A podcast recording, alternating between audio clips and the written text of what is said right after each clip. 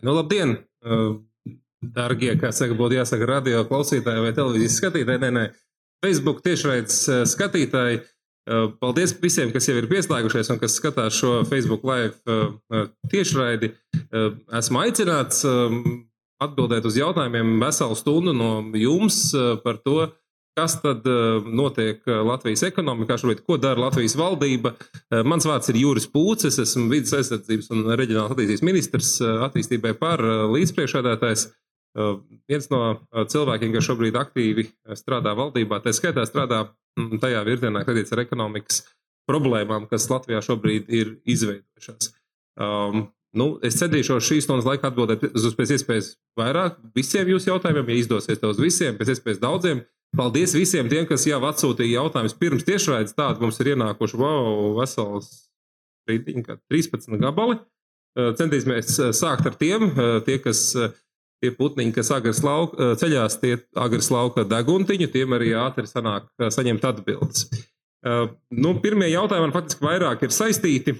Mm, ir, nu, tā tad, um, pirmais jautājums ir ekonomika pašlaik visticamāk jau sarūk saistībā ar Covid-19 krīzes dēļ noteiktiem ierobežojumiem. Valdība ir paziņojusi par 2 miljārdu palīdzības programmu ekonomikai, vai ar to pietiks, kas notiks pēc tam, kad šī nauda būs iztērēta. Un, faktiski, droši vien, lai kopumā atbildētu šo jautājumu, es pie viena paņemšu arī vēl vienu jautājumu. Tas jautājums ir, ar ko pašreizējā situācija atšķirās no lielās krīzes 2008. gadā. Faktiski jāsaprot, ka Latvijā ekonomikas krīzes iemeslu nav. Mums nav ekonomikas krīze. Tā iemesla pēc, ka pasaulē ir pandēmija un ir izplatījusies vīrusu infekcija, visas vairums pasaules valdību šobrīd pieņem dažādus ierobežojušus pasākumus, kur mērķis ir samazināt cilvēku kontaktēšanos, lai viņi pēc iespējas mazāk viens ar otru satiktos, pēc iespējas mazāk būtu iespēja nodot vīrusu vienam no otra. Taču šie ierobežojumi, protams, automātiski nozīmē to, ka tiek uh, atcelti lieli publiski pasākumi, tiek ierobežots tirdzniecības vietu darbība, ierobežot izklaides vietu darbība, uh, ierobežot strādā veselības, sociālā izglītības infrastruktūra. Tas, protams, atstāja iespaidu uz ekonomiku. Un ekonomikas uh, sarukšana faktiski ir automātiski. Ekonomika, ko nozīmē ekonomika un kā tā sarūk, proti, cik daudz mēs šobrīd saražojam preces un pakalpojumus, mēs saražojam preces un pakalpojumus mazāk nekā to darījām pirms šo ierobežojumu noteikšanas. Kādas tam ir sekas? Nu, sekas tam ir, protams, cilvēkiem ir, maz, ir mazāka nepieciešamība pēc cilvēku darba. Viņi var nestrādāt, jo nav tik daudz preces un pakalpojumu jāsaražo. Ir mazāka nepieciešamība pēc dažādām izēvielām, mazāka nepieciešamība pēc enerģētiskiem resursiem, nu, kas nozīmē to, ka ekonomika kopumā paliek mazāka un mazāka. Protams, šādā situācijā arī ir mazāki valsts eh, nodokļu ieņēmumi. Valstī ir mazākas iespējas um, iegūt resursus, lai varētu finansēt to darbu un atbildības daļu, par ko Latvijas sabiedrība ir vienojusies atbildēt Latvijas valsts, nu, piemēram, sociāla aizsardzība, izglītība, policija, citas funkcijas. Tātad, bet šis nav tapis tāpēc, ka 8. gadā šo uh, pēkšņo pieprasījumu samazinājumu faktiski izraisīja pašā ekonomikā notiekošie procesi. Tas, ka bija pārspīlēts uh, aktīvu burbulis, pirms tam uh, bija izveidojusies tāda pieprasījuma nesabalansētība, kur uh, nu, pārtapa par lielu krīzi tieši ekonomikā. Un valdības pēc tam centās to ekonomisku krīzi risināt. Katrai valstī gāja citādāk, Latvijai gāja diezgan smagi, bet nu tikām ārā.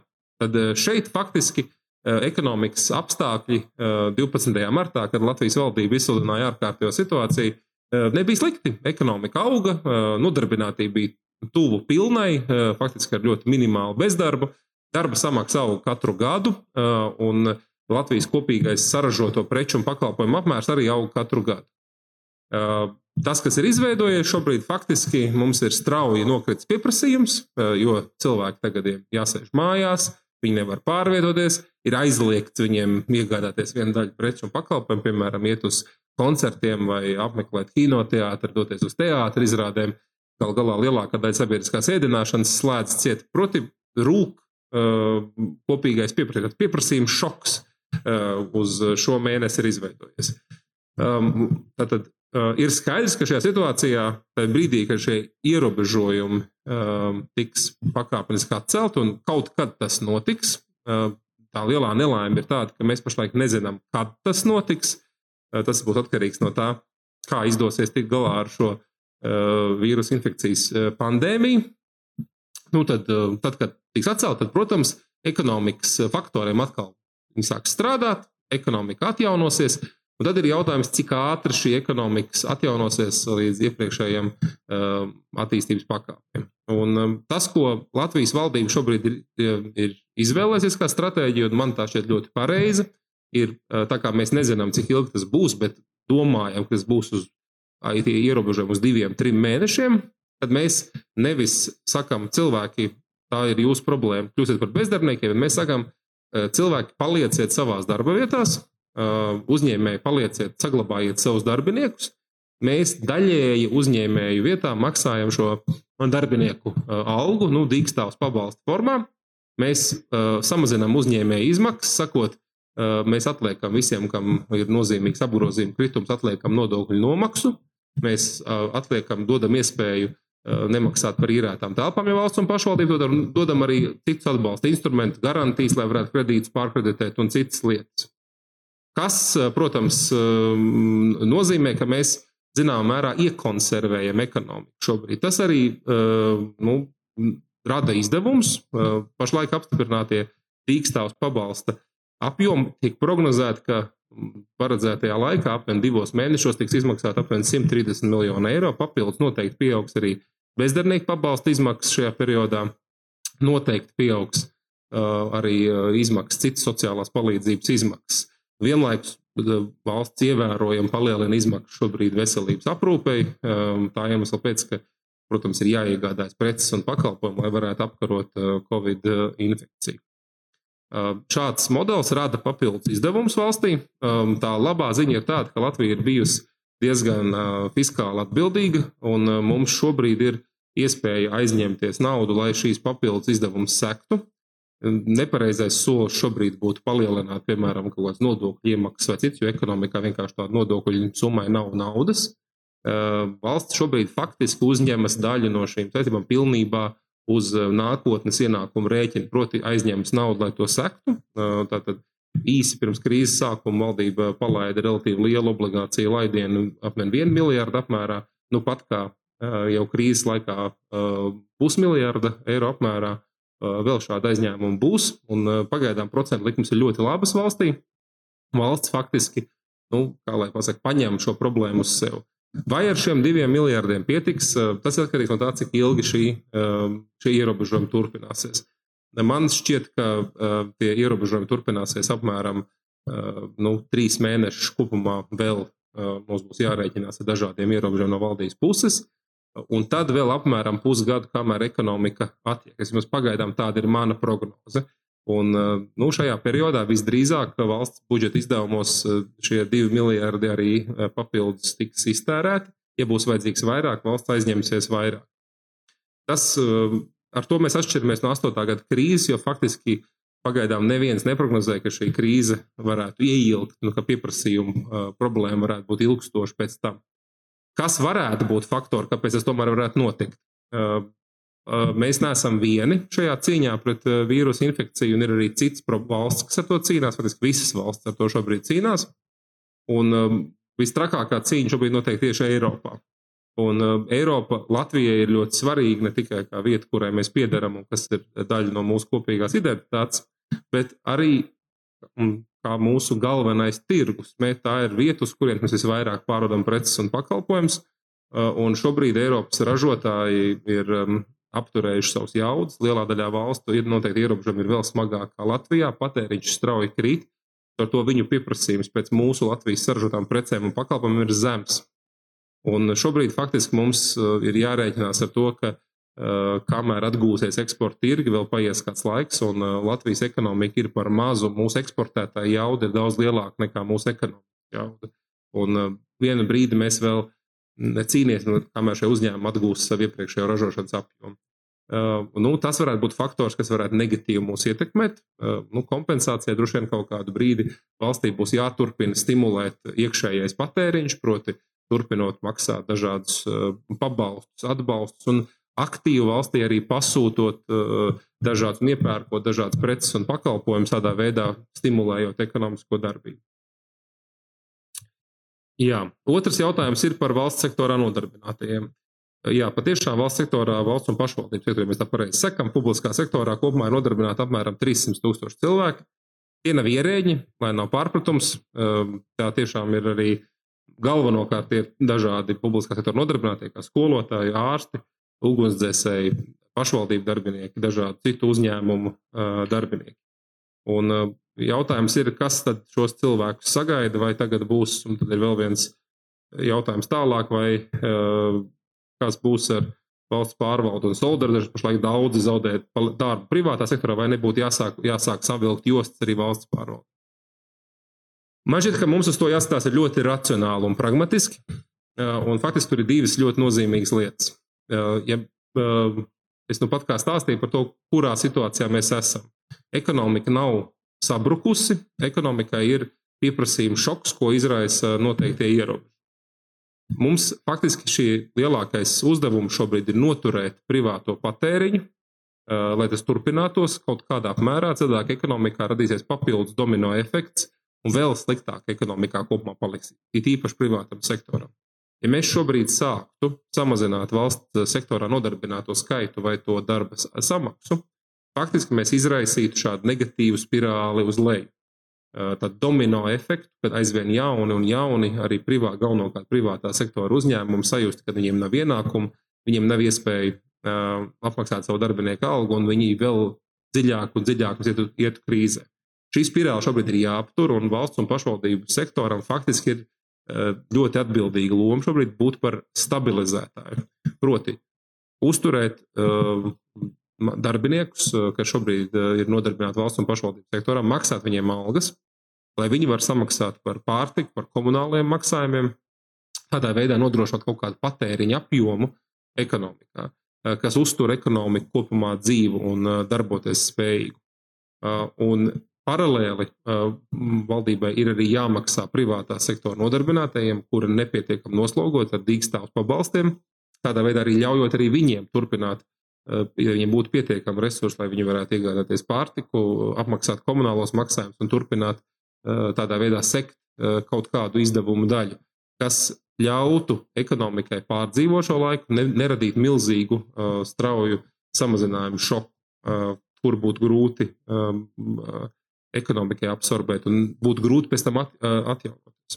Un ir otrs ļoti nozīmīgs jautājums. Proti, iepriekšējā krīzē, 8. un 9. gadā, kad bija pilnīgi citi apstākļi un bija pilnīgi citi uzdevumi. Eh, valsts pārvaldes darbs, eh, algu samazināšana faktiski bija obligāta prasība, un nebija jau nekādas iespējas to izvēlēties, citādāk ko darīt.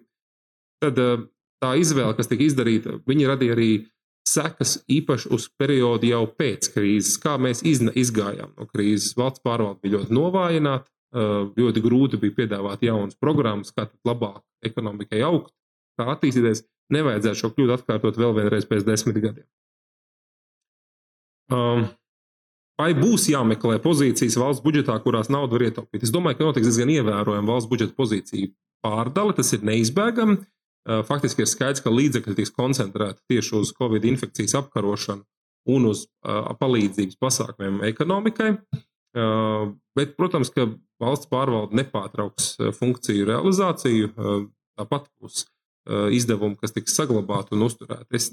Tas nozīmē, ka taupība ir pastāvīgs eh, valsts pārvaldes uzdevums. Tā ir jāskatās, lai tiek līdzekļi lietot būtu racionāli. Tā gal galā nav, nav nekāda valsts nauda, tā ir nodokļu maksātāja samaksāta nauda.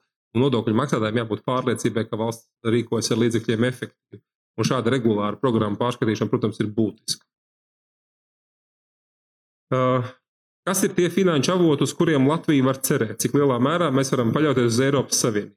Mm, pašlaik um, Latvija, kā jau teicu, Latvija var aizņemties naudu uh, tirgu, uh, palaižot obligācijas. Uh, investori ir ļoti gatavi aizdot, jo ir ļoti slikti akciju tirgi, akciju tirgi un ļoti grūti ir ieguldīt citos vērtspapīros. Valsts parāds šķiet ļoti drošs aizdevuma forma.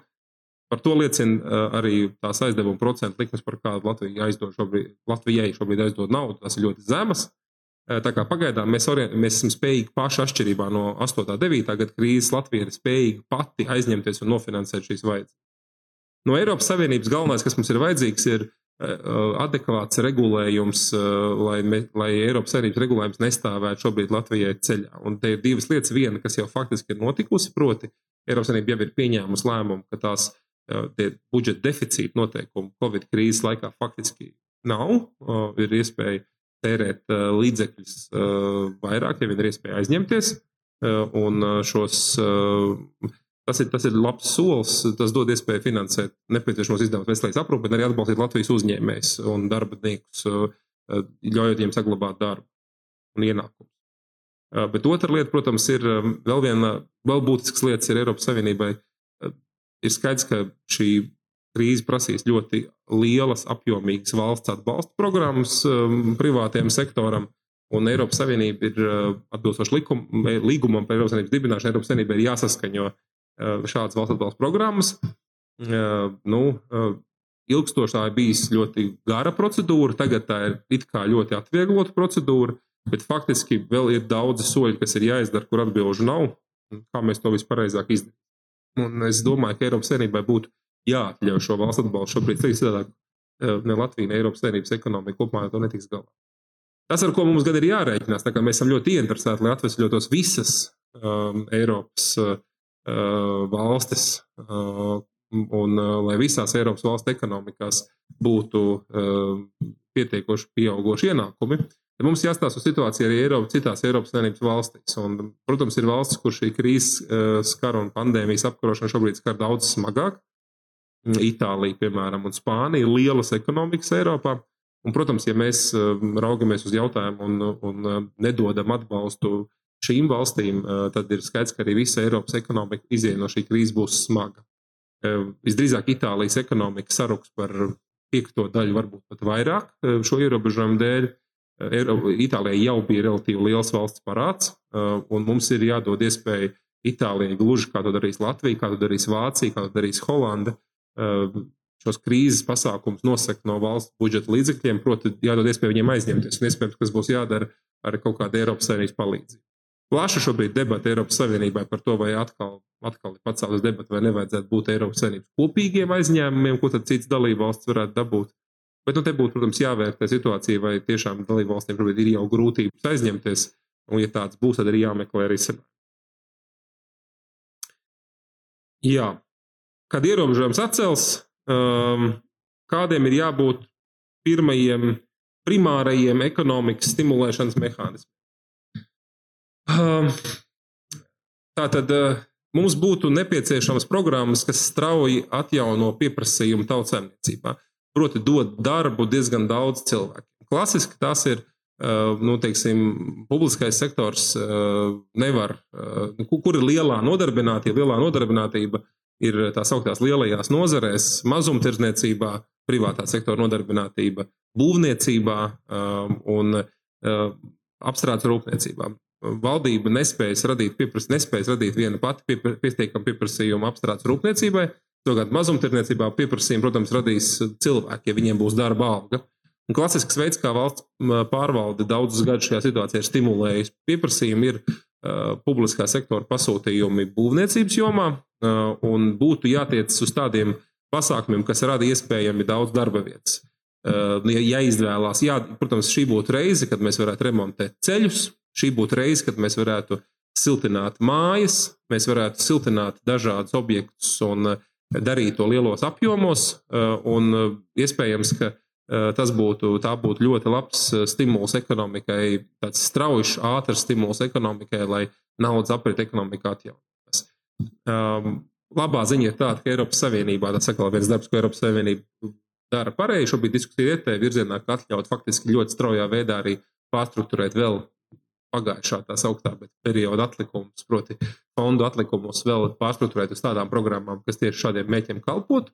Latvijai tas būtu ļoti izdevīgi. Mēs varētu ievērojams līdzekļus, apmēram 300 miljonus eiro, iedarbināt šādās programmās, un tas no fondu naudas, un apmēram tikpat arī no budžeta un pašvaldību budžeta naudas. Tas iedot ievērojumu stimulu, ja mēs šīs programmas otrajā pusgadā šogad varētu palaist. Jā. Vai Covid krīze varētu pozitīvi ietekmēt kādas nozares jomas attīstību. Es domāju, ka mm, mēs visi iemācīsimies šajās nedēļās strādāt attālināti. Daudz cilvēku sapratīs, ka faktiski uh, savus darba pienākumus var veikt jebkur, un daudz darba devēja sapratīs, ka viņu darbinieki savus pienākumus var veikt jebkur, ja vien ir labs aprīkojums un labas digitālās prasmes. Es domāju, ka šis būs lēciens dažādu uh, darba uh, vidu, uh, kāds pareizi latviešu vidu, darba vidu, laikam, ja? darba jomu, uzņēmumu, lai tie pasūtītu un iestātu, lai pasūtītu dažādas attālinātā darba risinājumus, un mūsu ekonomika digitalizēsies straujāk. Protams, šobrīd ir diezgan augsts arī pieprasījums pēc, pēc dažādiem ilglietošanas pārtīks produktiem, bet tas lēni gar nokritīs, kad cilvēku vairums sapratīs, ka nebūs jau tā, ka mums būs jāsēž gadiem ilgi un jāpārtiek tikai no sautētas, konservētas lielopu gaļas un griķiem. Kādas būs mm, kādas būs ietekme, vai, tātad, vai Latvija izvēlēsies līdzīgu ekonomikas stimulēšanas un ieziemošanas modeli kā citas Eiropas Savienības valsts, ar ko atšķiramies salīdzinoši. Man jāsaka, es diezgan lepojos ar to um, mūsu valdības sadarbības modeli, kāds šobrīd ir attiecībā uz krīzes pārvarēšanu gan veselības aprūpē, gan ekonomikā. Veselības aprūpē mēs labāk redzam tos rezultātus.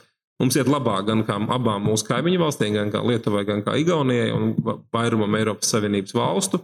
Mēs eh, tiekam galā ar problēmām eh, veselības aprūpes jomā šobrīd. Eh, man šķiet, ka mēs arī diezgan labi startējam ar ekonomikas stimulēšanas rīkiem. Man šķiet, ka šī valdība izvēlēsies vienīgo pareizo stratēģiju. Ir vienmēr iespēja izstrādāt vēl labākus, vēl precīzākus instrumentus, bet svarīgāk ir, lai instrumenti ātri būtu pieņemti un jau sāktu strādāt. Un faktiski 12. Um, martā tika izsludināta ārkārtējā situācija. 14. Um, martā tika noteikti lielākie ierobežojumi, kas stājās spēkā ar 16. un 17. martu. Un um, faktiski nu, divu nedēļu laikā ir uh, pilnībā radīti jauni, līdz tam nebijuši atbalsta instrumenti, dīkstāvs pabalsti, uh, nodokļu atlikšanas, parāda atlikšanas sistēma, uh, telpu nomas atlaišanas sistēma, daudz cits, citi modeļi, kas nebija uz vietas. Jā, tie nav, nebija perfekti. Ar katru, nedēļu mēs viņus uzlabojam, precizējam, pieliekam klāt kādas citas grupas, dodot iespēju atbalstīt vēl vairāk, bet faktiski viss jau strādā, un mēs esam nevis vienīgi izziņojuši divu miljardu atbalstu programmu, bet mums viņi faktiski viss strādā.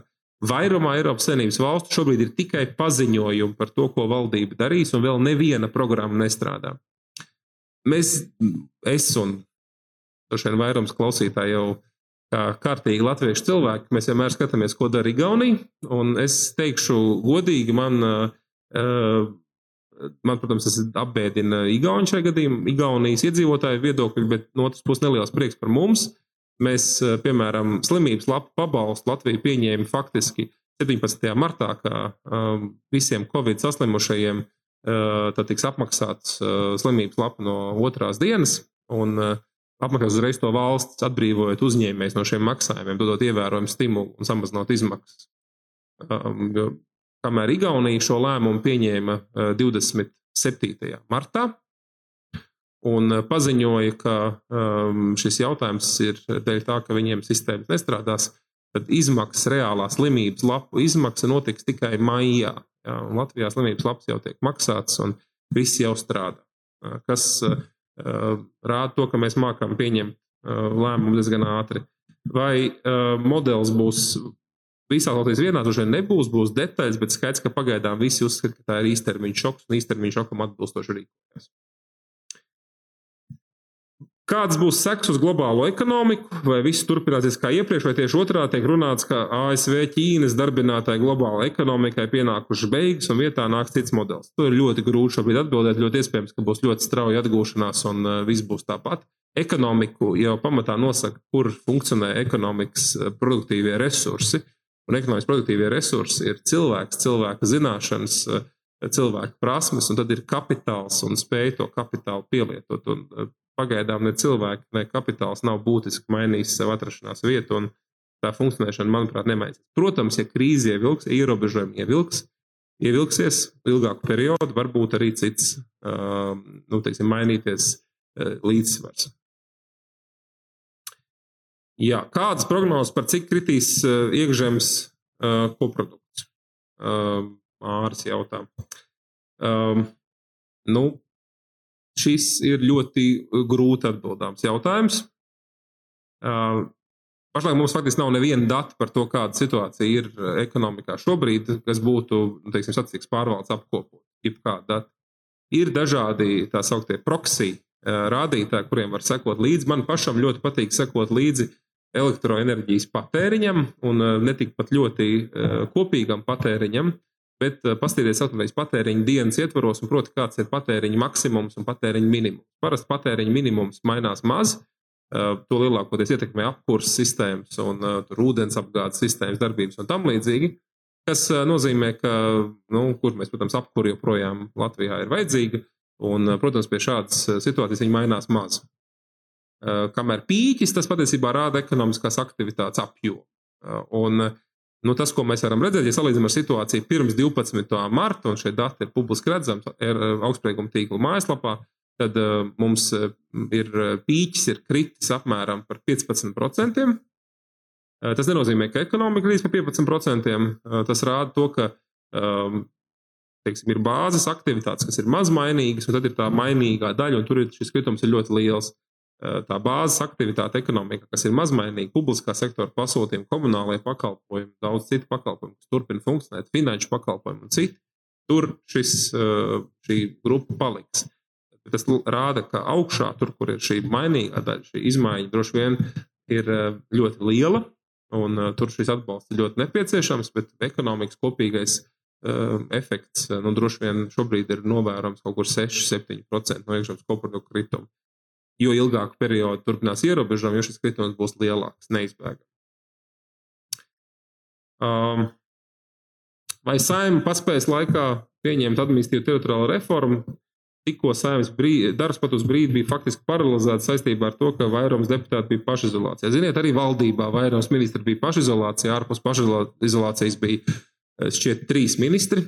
Un, um, Tas nenozīmē, ka valdības darbs apstājās. Valdība pilnībā pārgāja uz attālinātu darbības modeli. Arī šobrīd vakar bija valdības sēde, un rīt būs valdības sēde. Tās notiks attālināti.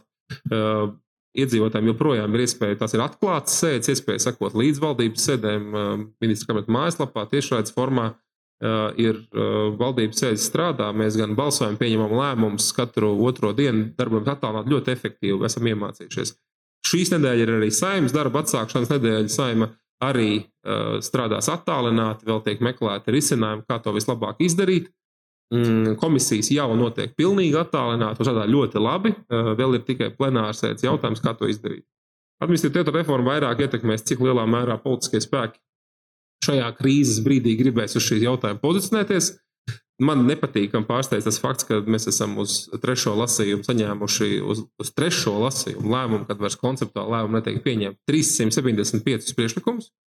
Nu, protams, absolūti vairumu ir radījis eh, Zaļo zemnieku savienība, kas arī bija sagaidāms, Viktors Valēns deputāts. Bet nu, redzēsim, kā diskusijas notiks komisijā, kā notiks uh, saimā. Skaidrs, ka uh, tā kā šobrīd ir iecerēta saimnes balsošana un debats, Eh, tas visdrīzāk padarīs vienkārši ilgāku šo diskusēšanas procesu. Bet nu, es esmu runājis ar koalīcijas partijas pārstāvjiem. Nevienu neuzskata, ka būtu reforma, būtu jāaptur un nebūtu jāvirs uz priekšu. Nu, iespējams, ka lēmums eh, netiks pieņemts aprīlī, kā tas bija cerēts, eh, bet, ja tas būs maijā vai jūnijā, liela atšķirība jau, protams, nav. Svetlāna jautā, vai Covid-19 var mainīt izstrādātā NAP 2027 prioritātes. Interesants jautājums. Domāju, ka efekts tam noteikti būs, um, bet drīzāk tas izrietēs nevis no mūsu valdības uh, vai saimnes darba dienas kārtības, Latvijas dienas kārtības, bet vai un kādā veidā mainīsies Eiropas Savienības uh, kopīgā ievirze. Jo skaidrs, ka tāda aktīvākā faktiski napa daļa ir tā, ko finansē Eiropas Savienības fondu līdzekļi. Uh, pagaidām es neredzu, uh, neredzu situāciju, ka būtu būtu eh, šāda, šāda nepieciešamība vai kāds noskaņojums būtu Eiropas Savienībā mainīt kopīgo ievirs. Bet uh, Latvijā, protams, var būt kaut kādas korekcijas, bet uh, nu, pagaidām vismaz tādas debats par to nav bijušas. Vai administratīva teritorija reformā vēl nepieciešams kādas izmaiņas? Es esmu pats arī iesniedzis priekšlikumus uz likuma projektu trešo lasījumu, vairāk tehniska rakstura. Nu, kā vienmēr, likuma projektu izskatot divos lasījumos, ir kaut kādi jautājumi, kas ir palikuši juridiski atrisināmi. Tie, tie ierēģi gatavot, tādi priekšlikumi ir. Skaidrs, ka deputāti var balsot arī par teritoriālām izmaiņām. Esam apskatījies piedāvājumus, ko ir iesnieguši koalīcijas deputāti. Nu, šķiet, ka lielas izmaiņas es pagaidām neprognozēju. Cik gatavas Covid-19 krīzes izaicinājumiem ir Latvijas pašvaldības?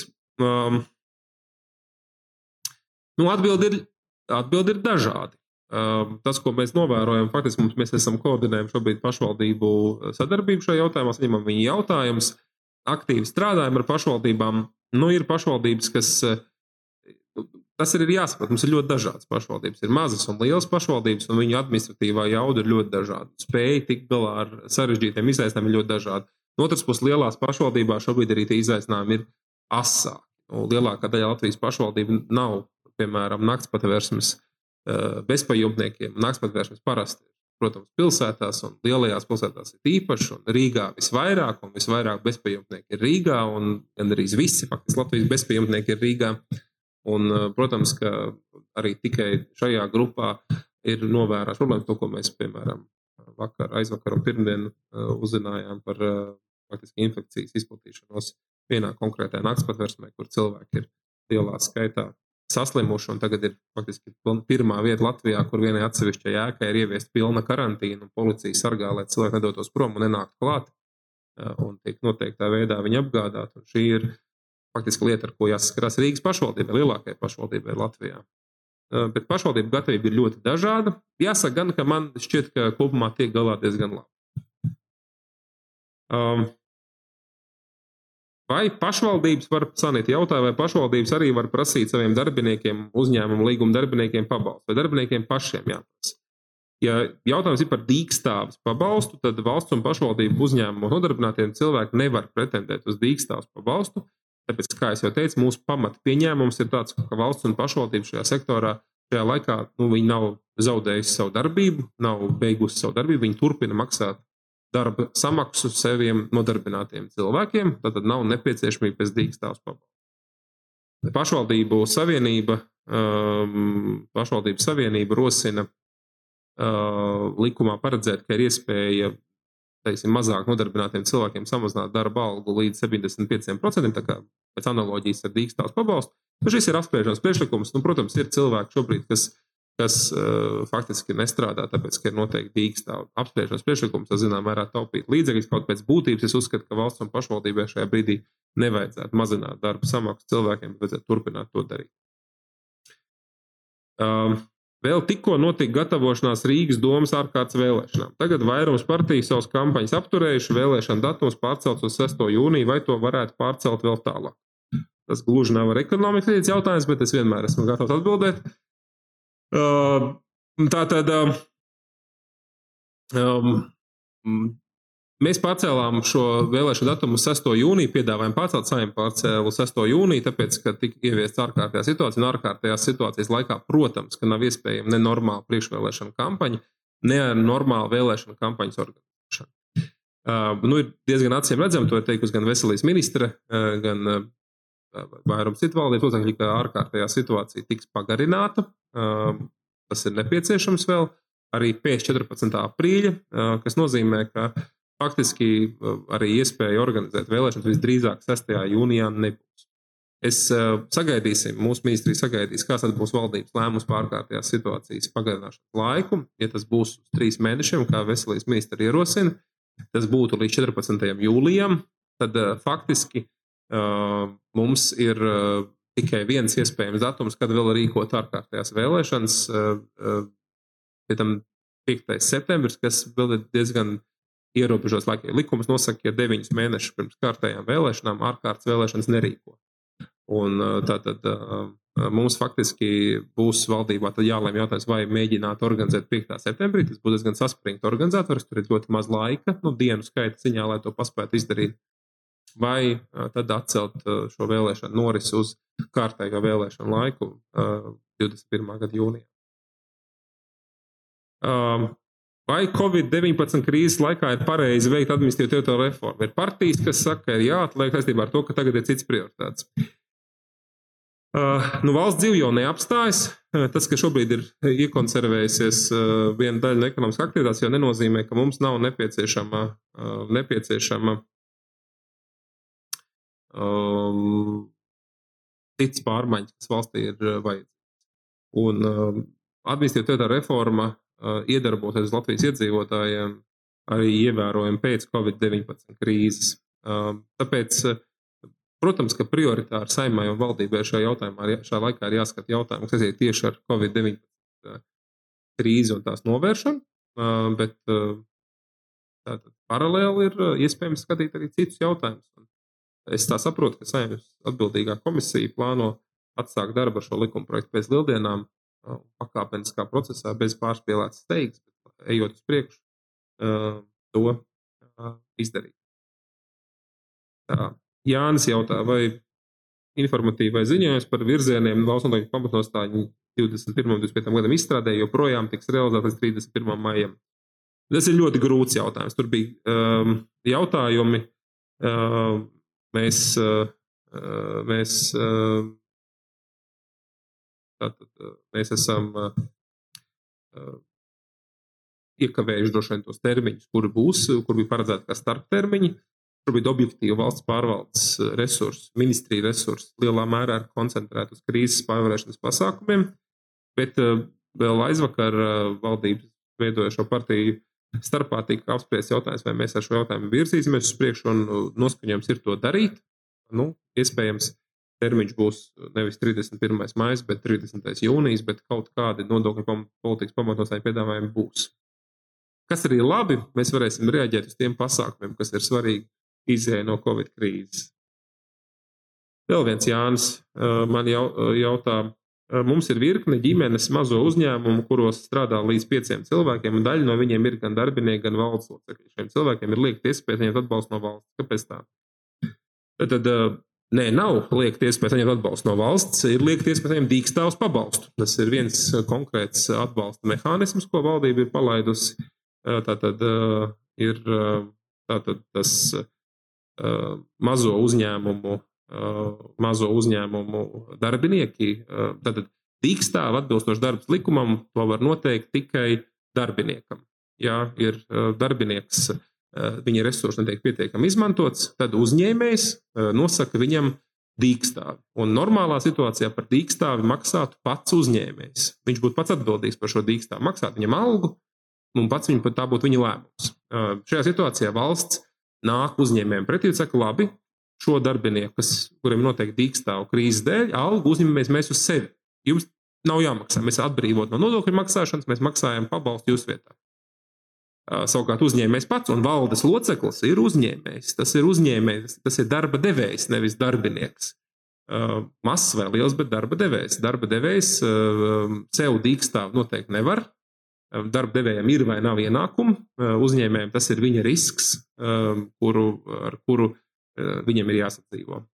Valsts nāk pretī, atliek maksājumus, atliek nepieciešamību maksāt uzņēmēju darbinieku algu, atbrīvo no valsts un pašvaldību telpās no nomas maksas, dod garantiju mehānismu, dod iespēju pārkreditēt kredītus, bet uzņēmējam, nu, teiksim, viņa algu, teiksim, tā nokompensēt jau mēs nevaram, jo faktiski nu, viņa peļņa jau ir arī viņa uzņēmēja spēja apliecinājums, nevis valsts kaut kāda konkrēta darbības jautājums. Tāpēc šis atbalsta instruments ir domāts darbiniekiem, nevis darba devējiem. Darba devējiem ir iespēja saņemt kredīt garantijas, saņemt atvieglojumus nodokļu nomaksai. Tas ir tie instrumenti, kas ir pieejami darba devējiem, kādu nav, piemēram, darbiniekiem. Tā, Inese jautā, vai municipālajie uzņēmumi Rīgas siltums, Rīgas ūdens, Rīgas nama pārvaldnieks varētu atteikties no peļņas, lai atvieglotu finansējumu slodzi uz iedzīvotājiem? Nu, šie Rīgas pašvaldības uzņēmumi, Rīgas pašvaldība pati pieņem lēmumu par šiem jautājumiem, bet cik es zinu, tad gan Rīgas siltums, gan Rīgas ūdens jau ir pārtraukuši, piemēram, soda procentu aprēķināšanu par nesamaksātiem, laikā nesamaksātiem rēķiniem. Un nu, būs kaut kāda arī piedāvājuma par tarifu samazinājumu. Vissarežģītākā situācija mums ir ar uzņēmumu Rīgas nama pārvaldnieks. Tas ir uzņēmums, kurš ir nopietnās pārvaldības grūtībās. Cerams, ka jaunā valdes locekļi, ka tie spēs tikt galā ar šiem izaicinājumiem, šis būtu brīdis, kad viņiem būtu jāpiedāvā arī apsaimniekošanas maksā kaut kādas atvieglojumus. Andris jautā, cik reāli, ka pašvaldību vēlēšanas Rīgā šogad būs un kāpēc fonā nav grāmatu plaukta?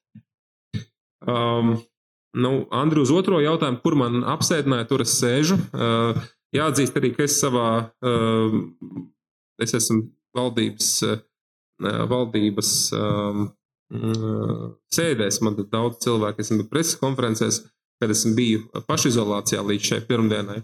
Tad es uh, sēdēju telpā, kur vienam no retajiem man šķiet, man nav grāmatplaukts uh, fonā. Uh, Un tas ir saistīts ar to, ka es esmu uh, aptuveni pusgadu dzīvojis šajā dzīvesvietā, un man joprojām nav grāmatu plaukta. Mans grāmatas stāv kastēs uh, istabas stūrī. Uh, caur to, diemžēl, man nav iespēja viņas parādīt. Cik reāli, ka pašvaldību vēlēšanas Rīgā šogad būs, nu, tātad, ja jānosaka, ir varbūtība, tad tā ir lielāka par nulli, bet man šķiet, ka mazāka par 50%. NVO sektors turās uz valsts naudas un ziedojumiem. Ziedojuma plūsma tagad strauji apsīkusi. Kas notiks ar NVO Latvijā?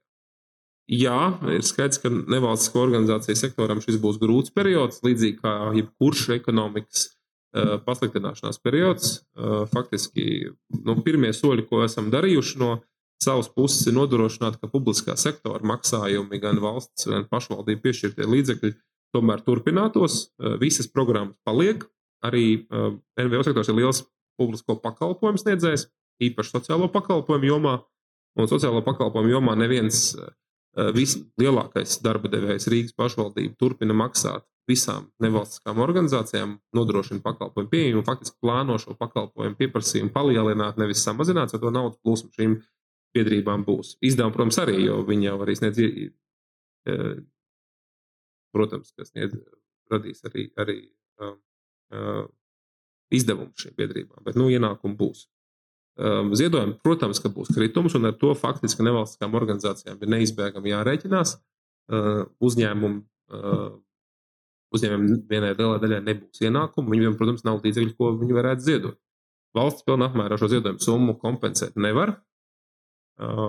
Būs, protams, jāpadomā par papildu atbalsta instrumentiem. Šis būtu brīdis, piemēram, kad mēs varētu efektīvāk iedarbināt iedzīvotāju ienākumu nodokļu atvieglojumu piemērošanas kārtība tāda ir. Lielākā daļa Latvijas iedzīvotāju to nezina. Viņiem ir iespēja faktiski vienu daļu no saviem ienākumiem nodokļu nemaksāt, ja viņi ziedo uh, nevalstiskajai organizācijai. Nu, tas būtu iespējams to iedarbināt uh, varbūt efektīvākā veidā. Uh, bet uh, lielāka izjūta, man tā šķiet, ka smagāk šo jautājumu nevalstiskās sektors sajutīs otrajā pusgadā kā tagad, jo faktiski nu, šobrīd uh, ir nu, kopš krīzes tāda sākšanās mirkļa, ir pagājuši tikai trīs nedēļas. Roberts jautā, vai valsts ir aprēķinājusi nodokļu ieņēmumu zaudējumus dīkstāvs dēļ kontekstā ar potenciālo slimnieku skaitu, kam būs nepieciešama elpināšanas ierīce. Varbūt izdevīgāk ir iegādāties 50 tūkstošu elpināšanas iekārtas nekā apturēt ekonomiku daudzās sfērās. Ja tu, Roberts, zini, kur ir iegādājams 50 tūkstošu elpināšanas iekārtas, dod mums ziņu. Um, Ir, nav tā, ka ražotājs stāv ar rezervē noturētām miljoniem elpināšanas iekārtu. Un Latvija ir jau iegādājusies papildus elpināšanas iekārtas un iegādāsies vēl. To skaits ir šobrīd ievērojami lielāks nekā to pieprasījums. Mēs gaidām vienkārši lielāku slimnieku skaitu. Un tā problēma nav tikai ar elpināšanas iekārtām. Ir, tā problēma ir ar to, ka no šīs slimības eh, cilvēki mirst, un uh, mirst ievērojams skaits. Un uh, valsts, kas neievieš ierobežošanas pasākumus, tas mirušo skaits no saslimušo skaita sasniedz uh, 5%. Un uh, es domāju, ka uh, es, uh, nu, teiksim, salīdzinājumā ar nodokļu ienākumu zaudējumiem, par to, ka nav pieejami kaut kādi pasākumi vai kaut kādas lietas, salīdzinām ar to, ka Latvijā, piemēram, saslimtu 60% iedzīvotāji. Tas būtu kaut kur 1,2 miljoni, 1,1 miljons. Un no tiem nomirtu 5%, kad 70 tūkstoši cilvēku. Es domāju, ka šī ir matemātika, kurā, kuru rietumu demokrātijā parasti izdara par labu cilvēku dzīvībām. Bet, jā, elpināšu vienkārši tiek pirktas, tās mēs rēķinamies, ka viņas vajadzēs vairāk. Pagaidām Latvijai īstenotie pasākumi ekonomikā efektu atstāja, bet mēs esam arī centušies kompensēt ekonomikai šo efektu, izmantojot publiskā sektora līdzekļus. Nu, ja tā vienkārši saka, publiskais sektors šobrīd ir papildus aizņēmumiem, ar papildus parādu, ar lielāku deficītu uz nākotnes rēķina, risina šo uh, problēmu. Ah, jā, nu, mēs tuvojamies finišam. Um, tāds noslēguma jautājums atnācis arī, ko mums šī krīze būs iemācījusi kā sabiedrībai. Pirmkārt, es, esmu, es domāju, ka mums ir arī zināms pamats lepoties ar sevi. Mēs mākam uh, skatīties un ieraudzīt negatīvo, un mēs pamanām tos cilvēkus, kas neievēro. Uh, tā vienmēr ir. Mēs pamanām tos, kas neievēro noteikumus. Tos, kurus ievēro noteikumus, kur šobrīd šī noteikuma ievērošana nav formāla. Tas nav jautājums par to, vai divos naktī ir jāstāv pie krustojuma, uh, ja tur deg sarkanā gaisma formāli noteikumi saka, protams, ka ir jāstāv un nav jāiet pāri, bet mēs arī labi apzināmies, ka cilvēks, kas pārkāpj noteikumus un pāriet pār sarkano gaismu, viņš nekādas draudus sabiedrībai nerada un uh, nekādu apdraudējumu nerada nevienam. Šeit tomēr ir citādāk. Katrs cilvēks, kas neievēro noteikumus, kas nenodrošina, uh, ja viņam, piemēram, jāatrodas pašizolācijā, neizolējās, uh, dodas uz tusiņu vai, vai apsveikt, kā te vakardienas ziņā, apsveikt darba kolēģi aiziešanu pensijā, un tad izrādās pēkšņi, ka visi ir saslimuši. Katrs šis cilvēks rada draudus citu cilvēku dzīvībai un veselībai. Un tai dzīvībai veselībai pandēmijas apstākļos nav tikai individuāls efekts, tas ir efekts uz visu sabiedrību, visu sabiedrības spēju būt veselai un spējīgi tikt galā ar šo izaicinājumu. Un, bet vairums cilvēku to ievēro. Un vairums cilvēku to ievēro nevis tāpēc, es nedomāju, ka kāds cilvēks, vismaz es personiski ievērošu noteikumus nevis tāpēc, ka man būtu bailes, ka man apturēs policists noteiks sodu. Es to daru gan savas veselības labad, gan arī sabiedrības eh, kopumā citu cilvēku veselības labad. Es vakar biju iepirkties veikalā. Um, pārtika bija jānopērk um, um, diezgan pavēls vakars. Veikalā bija iedzīvotāji, Rīgā veikals kas iepirkās kopā ar mani. Man ļoti imponēja tas, faktiski, cik ļoti cilvēki uzmanīgi iet pa veikalu, cik ļoti ievēro viens otru šīs noteikumus. Tas vairums cilvēku to dara. Un, tas rāda to, ka patiesībā mūsu sabiedrība ir veselīga un ir spējīga attīstīties pretēji viedokļiem, kas mēdz izskanēt, ka mēs esam pilnīgi nesolidāri sabiedrība, kurā nevienam neinteresē, kā otram iet. Nē, nē, mēs esam spējīgi parūpēties gan paši par sevi, gan par sabiedrību kopā. Mēs iemācīsimies ekonomiski strādāt daudz vairāk attālināti. Mēs mācīsim, kā radīt vērtību, nesēžot visiem vienā darba kabinetā. Mēs apgūsim dažas veselības nodrošināšanas svarīgas prasmes, pamatprasmes, kuras it kā visi zinām jau no bērnu dārza laikiem, bet kaut kā aizmirstam. Piemēram, regulāri mazgāt rokas, Ja? Nu, to tagad mēs darām visu laiku, un tā ir laba lieta, mm, kas mūs izsargās ne tikai no Covid-19, tas mūs aizsargās visu dzīvi.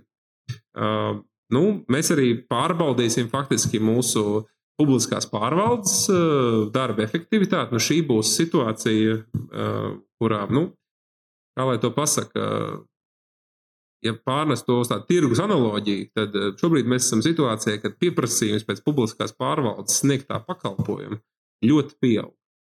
Un, um, parasti normālā tirgū tas nozīmē, ka valsts savu cenu par savu pakalpojumu paaugstinātu, bet valsts to nedara un ir gatava apkalpot ievēr, daudz vairāk problēmu un daudz vairāk uh, risinājumus piedāvāt uh, par to pašu samaksu, ko viņi ir saņēmuši. Faktiski pat samazinot samaksu, mazāk ieņemot nodokļus, mazāk paņemot no uh, ekonomikas, no cilvēku maciņiem.